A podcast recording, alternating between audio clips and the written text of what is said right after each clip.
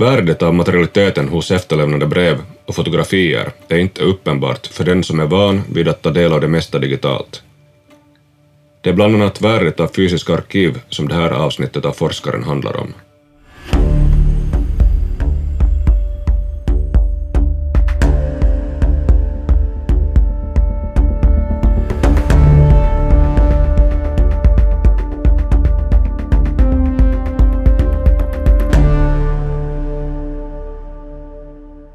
Hej och välkomna till Åbo Akademis podd Forskaren. Jag är redaktör Markus Präst. Bland samlingarna vid Åbo Akademis bibliotek finns Västermarkarkivet. Edvard Westermark, som föddes år 1862 och dog 1939, är en av de viktiga personerna inom sociologi och antropologi, bland annat tack vare sättet han jobbade på, som var att personligen resa till det geografiska området för den kultur han forskade i och på plats lära sig språk och sedvänjor. Att själv se och känna på brev som det såg ut då det skrevs, att se pappersfotografier, och att se mängden material som finns i Västermarksarkivets samling får en att öppna ögonen för, det, för värdet av materialiteten av den efterlämnade korrespondensen och forskningen.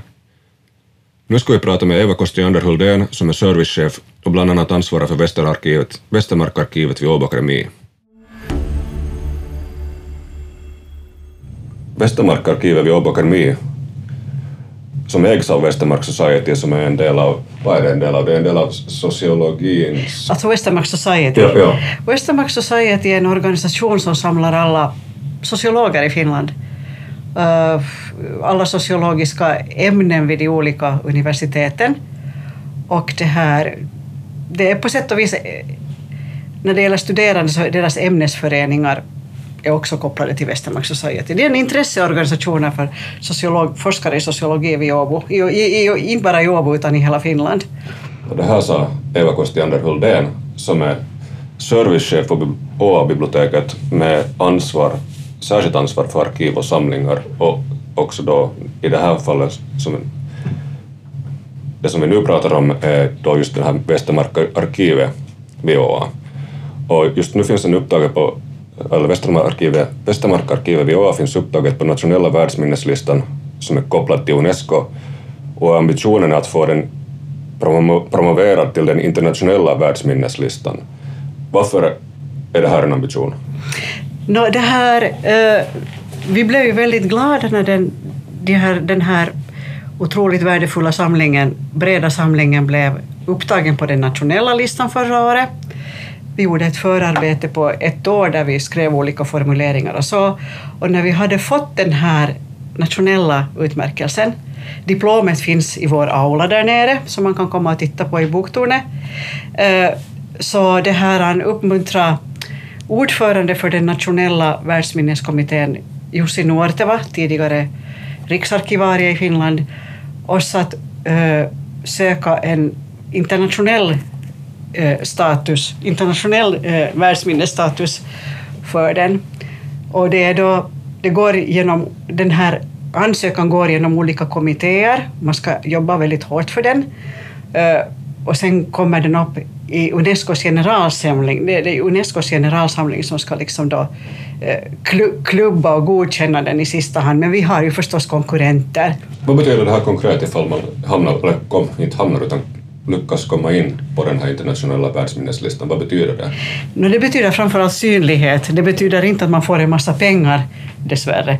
Men det betyder framförallt synlighet och vi har ju märkt att, att det här, de samlingar hos oss som har blivit upptecknade i den nationella världsminneslistan, att den har fått mera synlighet. Så den kommer att få, liksom, om det skulle gå så väl att den skulle bli eh, internationellt erkänd, så skulle det betyda ännu mer synlighet så att säga. Och då kommer man eh, eh Dels har Unesco sådana världsminnessidor där man då eh, kan skriva en hel del saker, man kan producera material eh, om den här samlingen. Och, och, så kan man också, jag, jag, har sett att flera av de här som har blivit upptecknade, upptecknade på den där internationella listan har, de har också producerat, producerat liksom material för forskning eller för, för, för skolor. Det beror på vilken typ av samling det är förstås. Att, eh, I Finland så är till exempel Skoltsamebyns, eh, Skoltsamebyns enare, deras arkiv uppe på den här internationella listan. Och det finns inte så värst många samlingar som, som har den statusen i Finland. Jag tror att det är runt 12 stycken. Så att det här, det skulle vara en stor ära om, om vi kommer så långt så att säga. På, alltså, Västermark är ju ett namn som jag tippar att, tippar att de flesta som studerar vid Åbo Akademi känner igen namnet. Det finns bland annat auditorium som heter Västermark, men på vilket sätt, eller på vilket sätt var han betydelsefull och vem var Edvard Westermark? När, när, när föddes han, när, när levde och verkade han och vad gjorde han? Det här, Edvard Westermark han levde mellan 1862 och 1939. Eh, som en lite kuriosa kan jag då nämna 1939, det var då andra världskriget startade. Han hade astma och han fick en stor chock när Tyskland marscherade in i Polen i september då. Så det sägs att han dog i sviterna av det astmaanfallet. Så det var ju ett väldigt tråkigt slut. Men okej, okay, han levde mellan 1862 och 39. Och, och det här, han var... Han äh, född i Finland? Han, han föddes i Finland, ja. ja. Och, det här, och, och, och, och studerade Helsingfors universitet och, och, och, och sen eh, så småningom så verkade han som lärare vid London School of Economics och, och han var också professor i praktisk filosofi vid Helsingfors universitet och sen blev han proffa i filosofi vid Åbo Akademi från 1918 till 32 men när man sätter honom i ÅA-sammanhang kan man ju inte låta bli att säga att han var ju Åbo Akademis första rektor. Han var rektor från 1918 till 1921. Men han var en sån här, uh, no, jag vet inte om man kan kalla globetrotter, men i vilket fall som helst så bodde han ju en del av, av, av, av, av sin, han delade sin tid mellan London, Åbo och Marocko. Varför, varför London och varför Marocko? Uh, no, han var knuten till London School of Economics. Han var, alltså lekt, han var lärare i, i antropologi där. Uh, och det här... Uh, så, han hade väldigt många forskarvänner där och tog emot eh, sina forskarvänner i, sin, i, sin, i sitt hus i Box Hill. Och det här, eh, sen så var han intresserad av att göra fältarbete och enligt vissa uppgifter så var han, ville han göra någonting som var liksom mera banbrytande. Man hade inte gjort så mycket fältarbete bland musi, mus, mig, muslimer. Så han, det här, han, eh, han reste till Marocko då och, det här, och han återkom till Marocko gång efter gång han, han köpte ett hus nära Tanger. Huset kallades för Villa Tusculanum. Tyvärr finns det inte längre kvar. Eh, så det här, eh, en stor del av sin tid som, som både rektor och professor vid Åbo Akademi så var han frånvarande. Och han hade då han hade då en eller en vikarie i, för sin professor Rolf Lagerborg och det här, hans karriär som rektor blev inte heller så hemskt lång, det blev bara tre år lång. Och en av orsakerna var att han var så mycket borta. Mm. Men det här att han var mycket borta, det är väl, eller min, äh, min äh, föreställning om det är att det var ganska ovanligt att en professor på det sättet var mycket borta för att göra fältarbete. Mm. Alltså, min, det, det jag för mig alltså är att Westermark var radikal i bemärkelsen att han verkligen gjorde det där fältarbetet på plats och, och lärde sig språk och så vidare. Kan du säga något mer om det här? Ja, det här antropologin, sociologin och fältarbete, så, eller antropologin, kultur och socialantropologin på den tiden, på slutet av 1800-talet, så, så, så det här många av de verk som skrevs av till exempel James Fraser, The Golden Bow och andra sådana storverk, så de, de baserar sig inte på konkreta fältarbeten eller empiri, utan det var liksom eh, Eh, jämförande mellan olika kulturer och, andra, och, och, och källor. Att de själva satt i sin... Det, det sägs att, man, att det bedrevs ganska mycket armchair anthropology, medan Westermark utvecklade fältarbetsmetoder och han tyckte det var jätte, jätteviktigt att att vara ute på fältet och verkligen studera de här eh, kulturerna. Så han, han det här utförde då mycket fältarbete i Marocko. Han, han det här intervjuade eh, marockaner, berber. Eh, han åkte omkring med, till häst så att säga och hade med sig böcker och, och, och, och mat och hjälpredor och han hade, han hade lokala lokala, lokalt folk som hjälpte honom också med språket och så där. Och själv lärde han sig också att, att, att förstå och, och, och tala arabiska och, och olika berberspråk. Men framför allt så hade han en, en hjälpreda som, som, som det här försåg honom med med iakttagelser och, och eh, excerpter, och, eh, förlåt mig, inte excerpter utan iakttagelser och, och, och eh, egna funderingar kring sin, sin egen kultur. Och han, den hjälpredaren hette eh, Al-Bakali, Sharif Al-Bakali, eller Al-Bakali. Va, va, han marockan? Han var marockan, men han kunde engelska. Ja.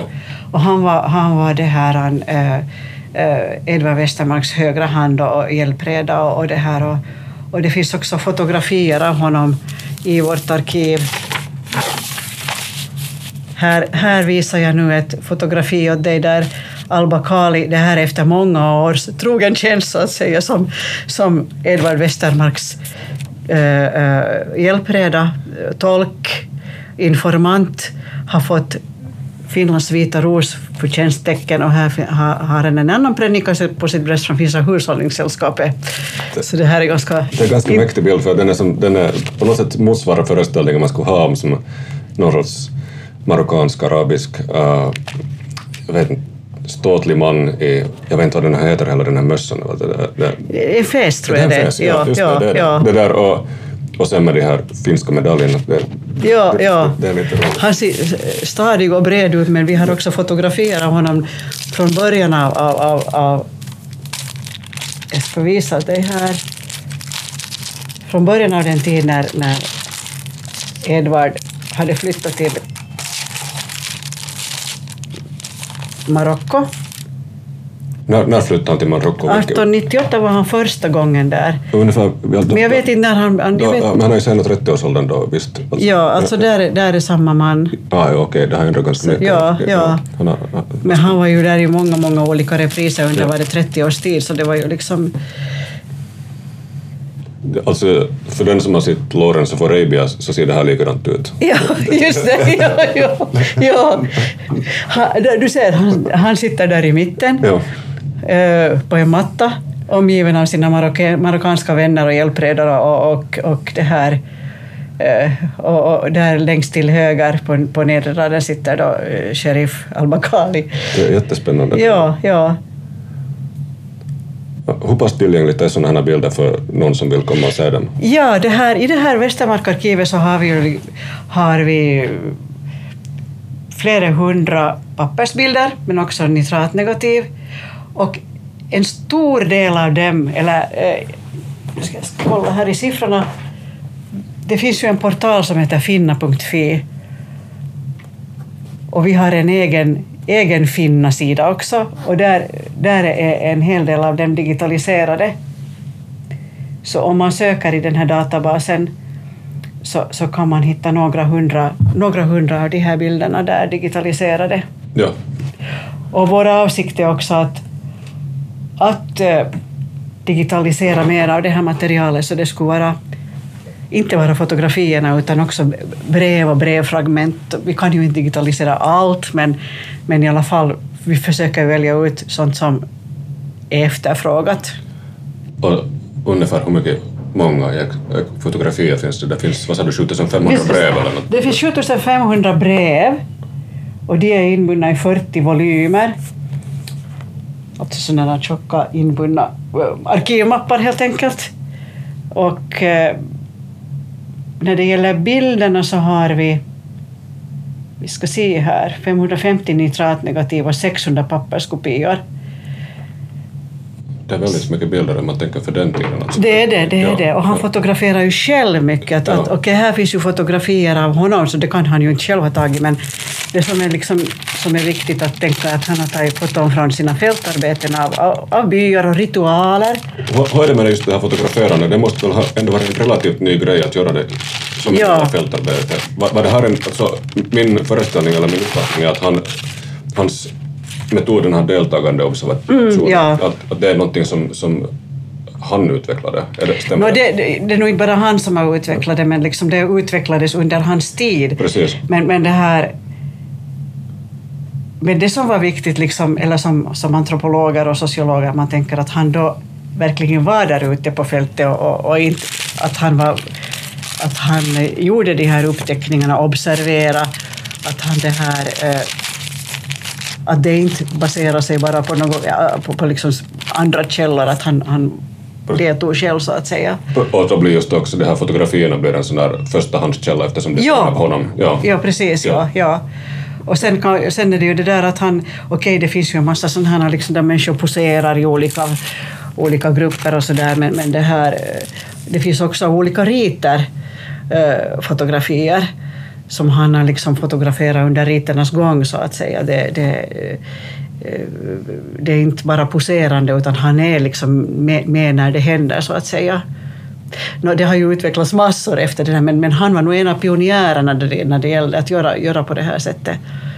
Och, ja, och det här igen, jag måste bara fråga dig för att inte jag vet själv, men alltså, jag har för mig att den här sortens sätt att göra arbete också kolliderar mot konser- konservativa uppfattningar i den akademiska världen då. Jag menar, det säger jag nu, jag, jag ser att du kanske inte var helt, att, jag- att jag inte hade helt rätt, men vad jag, jag har tänkt på den här Hilma Granqvist som, som fick stöd av honom, så lär åtminstone i någon, någon mening från ha- åtminstone haft svårigheter med att genomföra en sån här metod. Jo, eller det var... Eh, Hilma Granqvist hon, hon gjorde fältarbete i, i Palestina. Och hon, hon det här... Eh, kanske det var för att hon var kvinna så fick hon inte lika mycket understöd för sina resor och hon hade svårt att få tjänster. Och, och hanka sig fram att hon...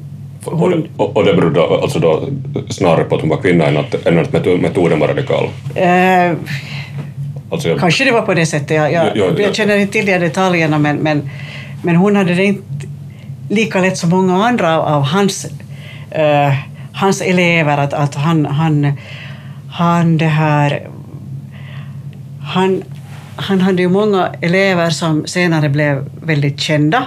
Bronislav Malinowski var en av de mest kända. Han var alltså med polskt ursprung. Hans elev då i London School of Economics. Och, och som det går ofta med vetenskapen så, så liksom eh, Westermark var kanske radikal då när han började men, men han hade ändå en kanske ganska sån här evolutionistisk syn på kulturerna, att de utvecklades vet du, till ett högre stadium hela tiden. Och sen kom, sen kom det olika skolor efter det som ifrågasatte den här evolutionismen, till exempel funktionalismen. Och Bronislav Malinowski var en av de här som, som eh, eh, som ifrågasatte den här evolutionismen och det här. Och, och det finns en korrespondens också i våra samlingar mell, mellan, Bronislav, mellan Malinowski och, och, och, och Westermark och, och andra av hans efterkommande. Liksom. Det är intressant att se det här hur, hur det är att liksom vetenskapen går ju framåt så Ja. här, på det här sättet. av, av ren nyfikenhet, jag, har- jag, har ingen, jag, jag har ingen kunskap om det här, men alltså jag bara tänkte att visst sammanfaller det här, eller råkar du veta om det, om det här sammanfaller just med Spenglers idé om den här uh, civilisationens utveckling och sen förfall. Nu säger jag säkert inte pre- precis rätt, men att, att civilisationens olika utvecklingsstadier för att sen, för att sen ska de sen tyna bort. Men hänger den här diskursen ihop med det som Westermark håller, håller på med? Känner du till någonting kring det här? Nu, nu är jag ju inte någon antropolog själv, men att liksom det, det som jag vet är att han ändå baserar sig på till exempel Darwins syn Ja. på och Spengler hänger väl ihop med Darwin Ja, också. ja, där. jag antar alltså, jag- jag att, liksom ja. kulturen Ja. så småningom blir mer civiliserad och Ja, sådär. ja. Men, eh, men så småningom tror jag också att, att Westermark, det här är jag inte riktigt säker på, men liksom ifrågasatte det där att, att det här eh, det är, inte, det, det är inte så enkelt det här med vad heter det nu igen, liksom det här jämförande observation, utan man måste också, man måste också ta i, ta i beaktande kontexten, det här kontextuella kulturforskande eller, eller liksom sätta det i en kontext i, i den här egna sammanhanget. Det som man hade gjort så hemskt mycket tidigare, till exempel Fraser och det här, att de jämförde element i, i liksom mellan olika kulturer och sen liksom vilken var nu sen mest utvecklad eller så. Precis. Att, att, att det så småningom utvecklar sig åt det hållet, att, att man inte liksom satt ett värde på det sättet att den ena kulturen är mer utvecklad än den andra.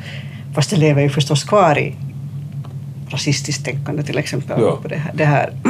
Men, men funktionalism då, alltså jag kan ingenting om det här, så Mm. funktionalism, är det det som namnet antyder, att, att olika kulturer har olika grejer i sig som hör ihop med dess som, Med kontext. kontext, liksom. Ja, att, ja. att det behövs för att göra en viss sorts funktion. Det där måste du kolla. Annars är det, jag är ute på sjufamnars vatten när de läser det. ja, ja men, men, men i alla fall så har jag förstått att det liksom eh, evolutionismen ersätts av funktionalismen och sen kommer det andra olika diskurser. Det kommer nya diskurser hela tiden. Ja. Man går allt mer mot det här att man, man det här eh, eh, att man kontextualiserar det, att man ser på olika sammanhang, ekonomiska sammanhang eller historiska sammanhang. Man kan inte liksom börja jämföra A och B och C, utan, eller det, det är klart att man kan göra det, men att liksom kontexten blir allt viktigare. Att jag själv kommer ihåg liksom, när jag läste folkloristik att, att, att det här varje folksaga har ett element A, B, liksom det fanns olika nummer på de här elementen och man kunde koppla ihop dem. Och man liksom var hemskt mycket inne i de texterna, men så småningom blev den här kontexten allt vik- viktigare, att varför, i vilket sammanhang som berättas den här och den här sagan. Att det, det är liksom lite samma sak, att, att liksom man kan inte eh, säga att, att, att, liksom att den kulturen är bättre eller sämre eller mindre utvecklad än den andra. Men Mm. hör det här alltså, värde på de här Westermarks, eller den här Westermarkssamlingen, i- hör det ihop med att han just var en deltagande observatör så att det där materialet finns där helt oberoende vilka teser man utvecklar kring det, att det finns där som ett råmaterial. Absolut, ja. Och det här... Eh, ja, ja och, det, och, det, och det är jätteroligt att se att det, är så, att det är så hemskt mycket olika typer av forskare som, som nu har, eh, inte bara nu utan även tidigare, eh, använt det här materialet. Eh, på Svenska litteratursällskapet hade man, man eh, för inte så länge sedan ett, ett eh, projekt kring, kring Edvard Westermark och moralen, där det var en grupp av forskare som, som delvis använde det här materialet. Vad finns, vad finns det där då i hans material som, som nu avbröt jag dig direkt. Ja, ja, ja, Men, ja. Vad, finns, vad finns det där i det där i det där materialet som är intressant för undersökning av moral? Nå, det här, dels så finns det säkert fält, fält f- vad ska vi säga, eh, hans, hans manuskript finns ju till, till de här hans olika böcker om moral. Och det här, eh, nå, det finns ju som böcker också så man kan ju läsa det där. Ja. Men det här eh, eh, och bakgrundsmaterial, det finns excerpter från fältarbeten, eller inte ex- excerpter där han har skrivit liksom upp olika källor som har varit viktiga, och, och, och fältanteckningar. Eh, så finns det, ja fotografierna kanske har inte så mycket med moralforskningen att göra, eh, Men brev, diskussioner han för med, med andra forskare, så, så finns det en hel mängd av. Alltså det fanns ju 7500 brev i Västermarkarkivet. Och, och, och en, största delen av dem, eller en mycket stor del av dem, är just den här Eh, brevväxlingen med, med, med, samtida, med samtida forskare. Alltså inte bara de här finlandssvenska forskarna, Hilma Granqvist utan, och, och Lantman och Karsten och de här andra finlandssvenska antropologerna, utan också, också andra välkända antropologer, som, som jag nämnde, den här Malinowski till exempel. Att det, där kan man ju, där kan man ju liksom se hur de resonerar kring, kring till exempel moral eller sexualitet, som också var en, en av hans stora intressen. Eh, Var de här två ämnena väldigt starkt förbundna då, eller, eller, eller är det helt skilda grejer? Att, att, att, de var nog säkert förbundna på, Ja. på alla olika, på olika sätt. alltså också akademiskt då? Alltså att man pratar om sexualitet och moral som lite samma Ja, sak? ja i, i, på ett eller ja, ja det, det, det, är inte, det är jag inte riktigt expert på men, men det ena kommer säkert ur det andra, hur man uppfattar till exempel homosexualitet. Att det här, Och, och det väl något som, som sågs som amoraliskt då? Att, Ja, alltså det var ju förbjudet långt in på, ja hur länge var det i Finland? 70-talet? Nu kommer jag inte riktigt ihåg. Alltså det var kriminaliserat väldigt länge. Och, och, och det var väl också just på, åtminstone innan man hittade på medicinska grunder så, så, så gjorde man det på moraliska grunder, har jag för mig. Alltså, Ja, det- jag, har ingen aning. Nej, no, det här, jag, nu försöker jag tänka, det finns något som heter, men det har inte med homosexualitet att göra, utan det finns något som heter Westermark-effekten, då man, då man ser på, på det här eh, syskonincest, att inte syskon får ha sexuella kontakter med varandra. Så det där har han forskat, forskat i också. Och han menar, om jag kommer rätt ihåg, att det var någonting som liksom fanns i, kultur, i alla kulturer från, från början. Men, men under sin verksamma tid så, så var han liksom han var emot det här att homosexualitet var kriminellt. Och det var ganska radikalt på den tiden, i början av 1900-talet med tanke på att det avkriminaliserades. Nu kommer jag inte ihåg när det var man avkriminaliserade. Det var ju länge ansett som en sjukdom i Finland äh, också. liksom. men, men den sortens diskurs, nu är jag helt igen på djupt vatten utan att veta säkert, men, men kan den ha kommit in med idéer om folkhälsa som vidare så att man som styr den dit, alltså man styr det till sådana här folkhälsoidéer där uh, homosexualitet för att sätta det som sjukdomsetikett på det så då har man legitimerat mm. det ur någon folkhälsosynpunkt. Jag vet inte. Det, här det är möjligt. Ja, det är möjligt. Ja, ja, Det intressanta är liksom man, man talar ju alltid om honom som en uh, att han var framstegsvänlig och liberal när det gäller homosexualitet och, och, och det ena och det andra. Men däremot så understödde han ju nog, har jag förstått, eugeniken. Men, men att det, det lär sen ha liksom berott på liksom att man att man skulle försöka utrota sjukdomar och så ja. här.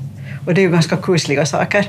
Ja, det, men det var väl också en helt etablerad sån där mainstream-idé? Alltså, ja, inte ja det. tror jag också. Ja. Ja, Folkhälsan... Precis, för, för vi, hade ja. inte, vi hade inte... Vi, kunde, vi kan se tillbaka och se vad som hände med de där idéerna, alltså ja. med det där spåret, men, men det Men det visste man inte nej, ännu. Nej. nej. Å andra sidan så, så liksom var han ju britt, britt, brittisk sinnad när man tänker på då att han avled i sviterna av chockerna från, från att andra, liksom andra världskriget satte igång. Så det visar ju att han förstod också, liksom, antar jag, liksom att vad, vad tyskarna stod för, så att ja, säga. Ja. ja. Att nu visste man ju då redan 1939 ja, det, alla visste inte. nej, nej, men, men det, ja. det, är förstås sant att, ja. att det inte var... Ja. Jag menar, det finns finländare som rapporterar om det där också. Är det Olavi Paavolainen som skriver om, om det där? Synka Yxenbo, ja, ja, ja, ja, han var ju förtjust i, i, i den här pompösa. I, i den, det, det, var riktigt obehagligt egentligen. Ja, ja. Det där. Men om, om vi far tillbaka till det här arkivet så där sa du att det är 7500 brev och, sen det är alla de här, sa du, 650 bilder? Ungefär, ja. ja, ja. Men du sa också här tidigare att det är uppdelat i tre olika eller grovt uppdelat i tre olika typer av material. Ja, det kan man säga. Det här, han, hade, han har ju sitt professionella, eh, professionella korrespondensen, korrespondensen med, med, med, med forskare och, och elever och, och, och, och det här, eh, runt om i världen. Då som då handlar om antropologi eller moral eller whatever. Och, och sen, sen eh, har vi den här korrespondensen med, med, med släkt och vänner. Till exempel med systern Helena Westermark, känd kvinnosakskämpe och, och, och det här också, också det här konstnär. Och med syskonbarnet Rolf Pipping som han eh, började, eller som han korresponderar med ända sedan Rolf Pipping var barn. Och han, det är roligt att se hur han skriver om Marocko och, och, och, muslimer och, och, och, hur han beskriver sin tillvaro i Tanger till Rolf Pipping, liksom lite med barnet som, som, som det här eh, mottagare, med sån lite inte barnspråk, men liksom hur han riktar sig till barn. det är ju det är något helt annat än när han skriver liksom som forskare då, till sina forskarvänner. Vad, vad är det för grejer han skriver om muslimer och araber då? Så, det... No, de här första breven så kanske de nog är lite stereotypa. Det, det, det här... Äh, jag är inte till stereotyper. Han berättar om de, de beslöjade kvinnorna och om, om, om, det här, om den mörka hudfärgen och sånt liksom då, det, sådana saker. Och det, det, finns, det finns några brev där i den här brevsamlingen där som, som, det här, som, som är framme där. Att, att det, ska jag ta och citera någonting? I ett av de här korten som, som, som finns i arkivet så berättar Rolf Pipping om, om att han har han har en, en hemlagad tidning som heter Nasse. och där han har liksom skrivit lite om Westermark, om sin morbror Westermark. Och det börjar väl på det sättet att, att Edvard Westermark berättar att Rolf Pipping, att han också under sin skoltid hade en tidning som hette Nasse, en hemlagad tidning. Och det roliga är att den här traditionen fortsätter. Rolf Pipping var ju pappa till Knut Pipping som sen till och med jag kommer ihåg från, från det här att han var professor här i sociologi och han hade också en tidning som hette Nasse. Och i den här Nasse kunde det ingå liksom då, eh, bidrag från det Edvard Westermark berättade vad som hände i Marocko. Alltså det var sådana barntidningar så att säga som han själv gjorde. Handskrivna tidningar. Men det, det, Nasse finns inte i våra, i, finns inte i våra liksom, eh, samlingar men, men, men man ser också den här korrespondensen mellan eh, Rolf och, e-, Edvard att, att den eh, från att ha varit brev till och från ett barn så, så blir ju Rolf så småningom själv också professor och den här fortsätter den här, alltså det finns ju en kontinuitet på många, många tiotals, många eh, decennier där. Inte säkert, decennier just så. ja, och sen, ja, det, det, var alltså de här privatbreven och sen de här professionella breven och sen förstås också eh, akademiskvaller. Att det här sådana här akademiska brev och när man och, och överhuvudtaget korrespondensen kring Åbo Akademi och hans tid som rektor till exempel som, var, som uppfattades som, som problematisk. Vad, vad var det där? Så, ja, gräl och så vidare. Vad, vad var det man grälade om på den tiden? Vad grälade man? på den tiden. Ja, ja, ja. Grälen fortsätter. No, ja, no, det finns ju förstås äh, äh, tankar och åsikter om det att Edvard Westermark var en, var en dels en rektor som var mycket frånvarande. Han var Åbo Akademis första rektor. Han var rektor från 1918 till 1921 och efterträddes av Severin Johansson som var naturvetare, matematiker. Och det här... Äh, äh, eftersom e- Edvard var väldigt mycket frånvarande så, så, så, så var det ju jobbigt för de som var här. Han borde ju ha varit mera på plats så att säga och eh, lett ett universitet och han blev ju inte omvald sen utan det blev då Severin Johansson. Om det här har bland annat skrivits en bok av, av Johan Jakob Skyldén uh, ett tiotal år efter, efter det här och det här Alltså han har skrivit en bok om Severin Johansson där han beskriver det här konflikten mellan de två.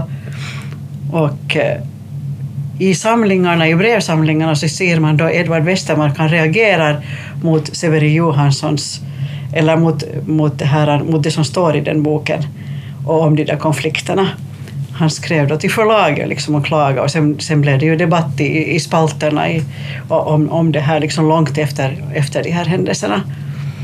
Så det var liksom eh, konflikter där och det finns också i Åbo Akademis historik eh, beskrivet det här. Och jag tror att också de, de källorna kommer från de här breven här och från de här korrespondenserna här. Men det handlar då främst alltså om hans, att han inte var här? Nej, nu finns det ju mycket annat också, liksom eh, korrespondens om, om, hur, om, om alla möjliga akademiska frågor som... Nu måste jag ta och titta lite här igen. Nå, I den här mappen där det finns eh, Åbo Akademi Akademika kallas den här mappen, alltså handlingar som handlar om Åbo Akademi. Så finns tal och skrivelser med anknytning till Åbo Akademi och studentkåren. Till och med officiella handlingar om Åbo Akademi. Och sen eh, olika affärer, då, till exempel eh, konflikter kring tydligen en professur i geologi och utlåtande angående Hilma Granqvists avhandling. Och sen finns här faktiskt angående J.J. Johan Jakob Skyldén som Severin Johansson där han anser att, att J.J. Huldén har liksom gett en orättvis bild av, av den här konflikten. Då.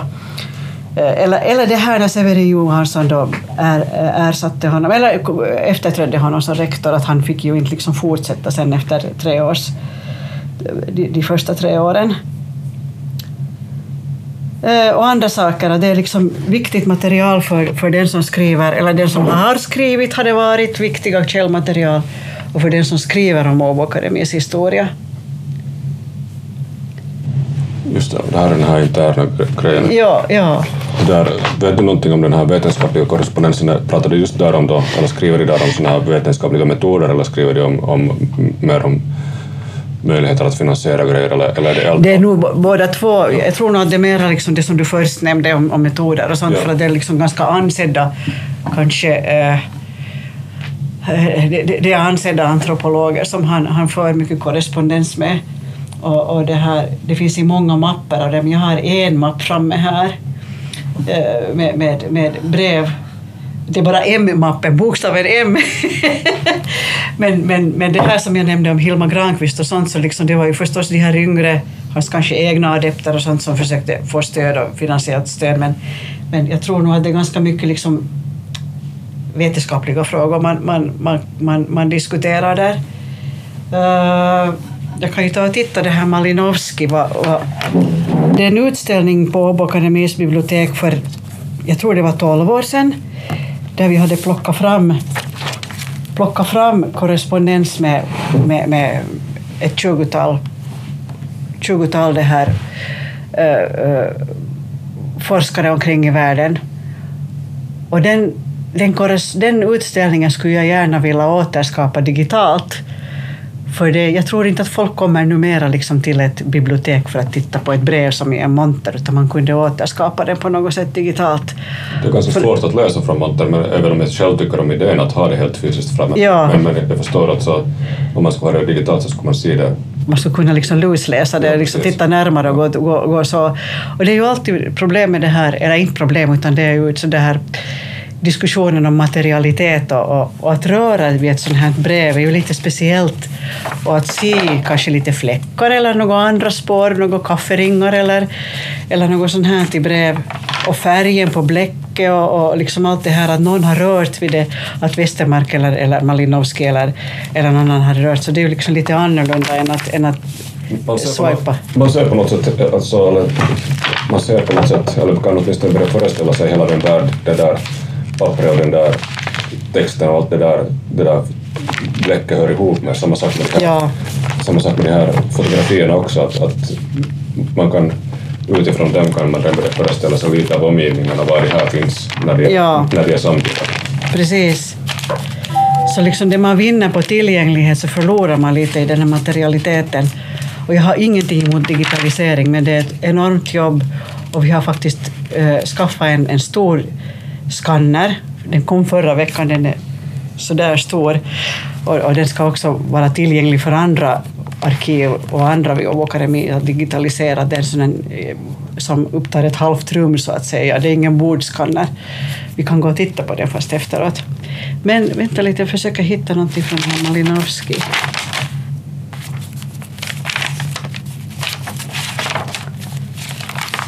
Oh my god. Malcolm. De är nog i alfabetisk ordning. Men det som man också ser här är den här när folk skrev för hand för att vilken vacker stil många har. Ja, ja. Och sen finns det ju sådana som har en alldeles horribel stil som är svårt att tolka. Men, Ja, men det här med det här är med bläckpenna Ja. och just därför med, med just med det här, det som för, eller åtminstone när jag gick i lågstadiet kallades skrivstil, som, som Ja. eller vad det heter. Vad heter det? Skrivstil Ja, heter det, ja. ja. ja. Jo, här, är- här är ett brev från, från Bronislav Malinowski 2014, 24 2014, skrivet, från, skrivet i London. My dear Westermark, I received your recently published book from Macmillans, alltså förlaget Macmillans. It was a splendid present for uh, Easter holidays. Alltså de tackar varandra för, alltså de skickar förstås varandra böcker och så här.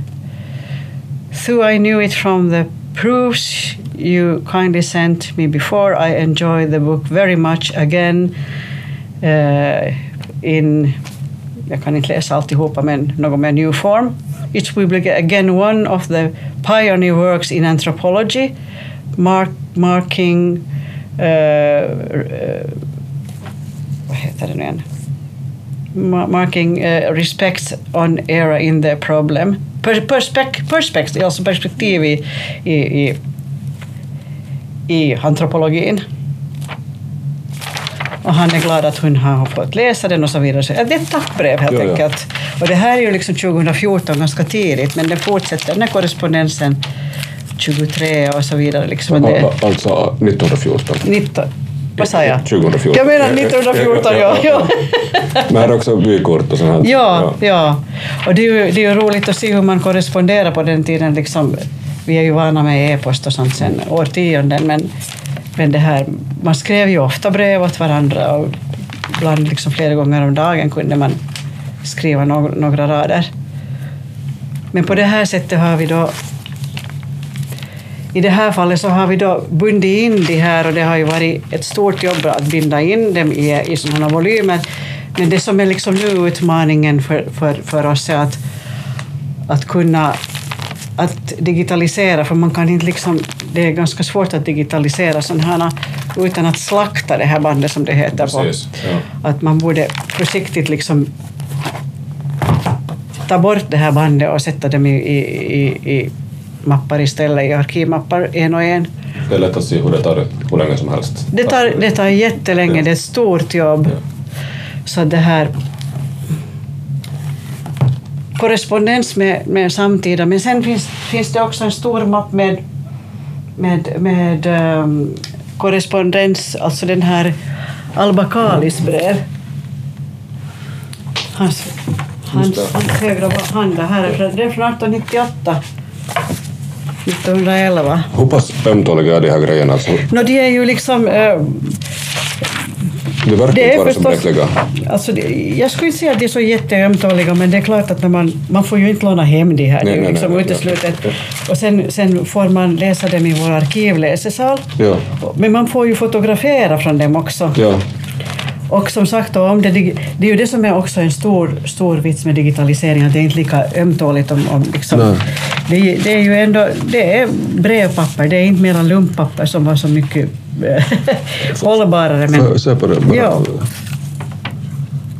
Just det här är sån här stiftpenna som man doppar med, för man ser Ja, att ja, blir som bläck- svagare ja, och starkare. precis. Ja, ja, ja. Ja, det är ju också förstås bläckpapper kan blekna, men man kan också se, det är ganska roligt att se sådana här dagboksanteckningar och, och brev eh, var bläcket har tagit slut och var, var, Ja, var ja. man igen har doppat det. Så det, Ja. det, det liksom berättar sin historia om den här materialiteten. Och sen hur man använde alla ytor på pappren förr i tiden. Det var ju det var ju liksom... Nu, nu- är det liksom så här lite anakronistiskt, men det var ju ekologiskt. Ja, ja, Ja. Det, det, ja. man ser att ja, det, det, det är jätteintressant hur det här ser ut. ja, och sen är det ju liksom alla de här krusidullerna och, och ömsesidiga artigheterna som man utbyter i början och i slutet av av brev och den där respekten man har för, för, för det här eh, för den äldre forskaren och, och, och, och Hilma Granqvist också eh, mm, liksom i all ödmjukhet närmar sig honom för att få hans understöd för att sen få stipendier och så. Så, så, så liksom tigger på ett väldigt artigt sätt. Att det, det är inte så där pang på som man nu för tiden är med formulär och så, utan man uttrycker sig liksom vördnadsfullt.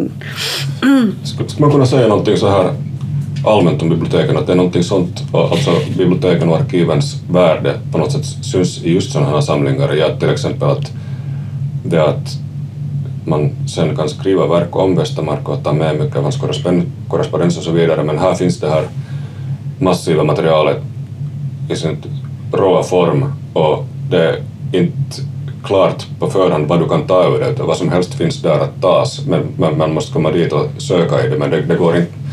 Alltid när man har något samlingsvolym så har man redan gjort något sorts urval och, och, och där, finns, där finns inte allting på det sättet som materialiteten just som du nämnde, allt, möjligt finns här i de här grejerna som, som är jättesvårt att kvantifiera på, på förhand. Skulle, skulle jag säga så här. Vad var frågan?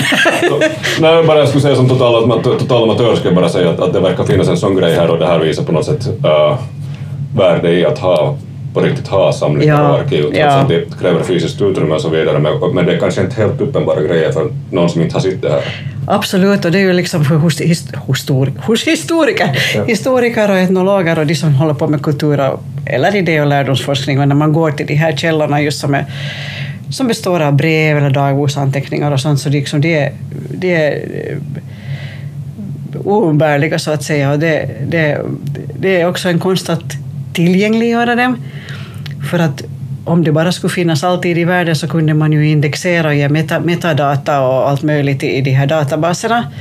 Att hur vi sen förtecknar dem så de blir mer tillgängliga. Det, det, det är också en utmaning att databaserna utvecklas så att man kan sätta mer och mer data, data, äh, metadata i dem.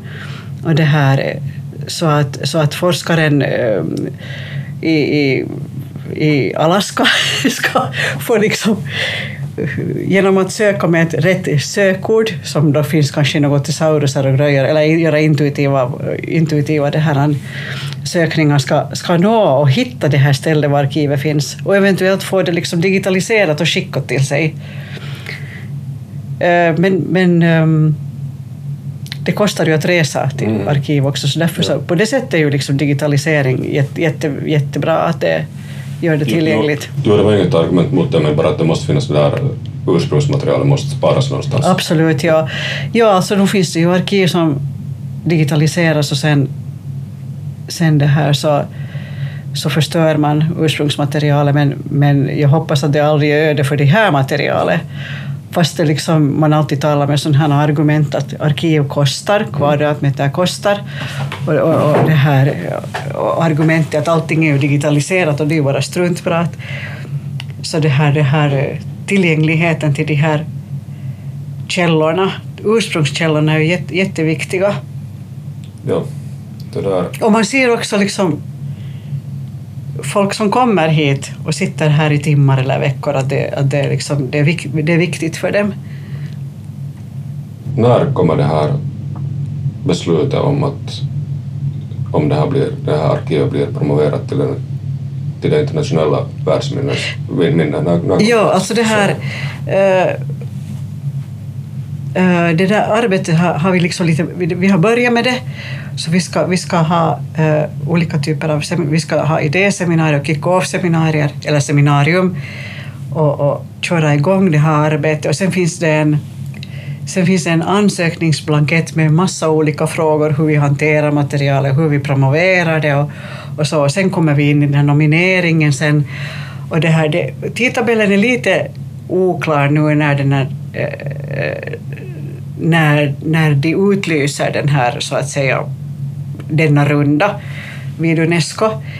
Men vi har börjat jobba och vi tror att den här blanketten, elektroniska blanketten för att ansöka om det här, att det kommer 23 och sen beslutet görs 24, men det går genom olika instanser. Att det finns dels det här Unesco-programmets advisory committee, Memory of the World's advisory committee, så det får ju liksom sålla många ansökningar från hela världen. Men det är sist och slutligen gener, eh, Unescos generalförsamling som, som liksom sen klubbar och, och beslutar att förstås på basis av de, de, de här eh, expertutlåtandena som finns som, som beslutar vil, vil, vilka som, kommer, som får den här statusen sen. Så att det här det, det sker 24, tror jag. Och här avslutar vi det här avsnittet av Forskaren. Gå in på www.abo.fi forskaren för att lyssna på andra avsnitt. Och om du vill få en inblick i Västermarkarkivet, gå in på www.finna.fi. Tack för den här gången.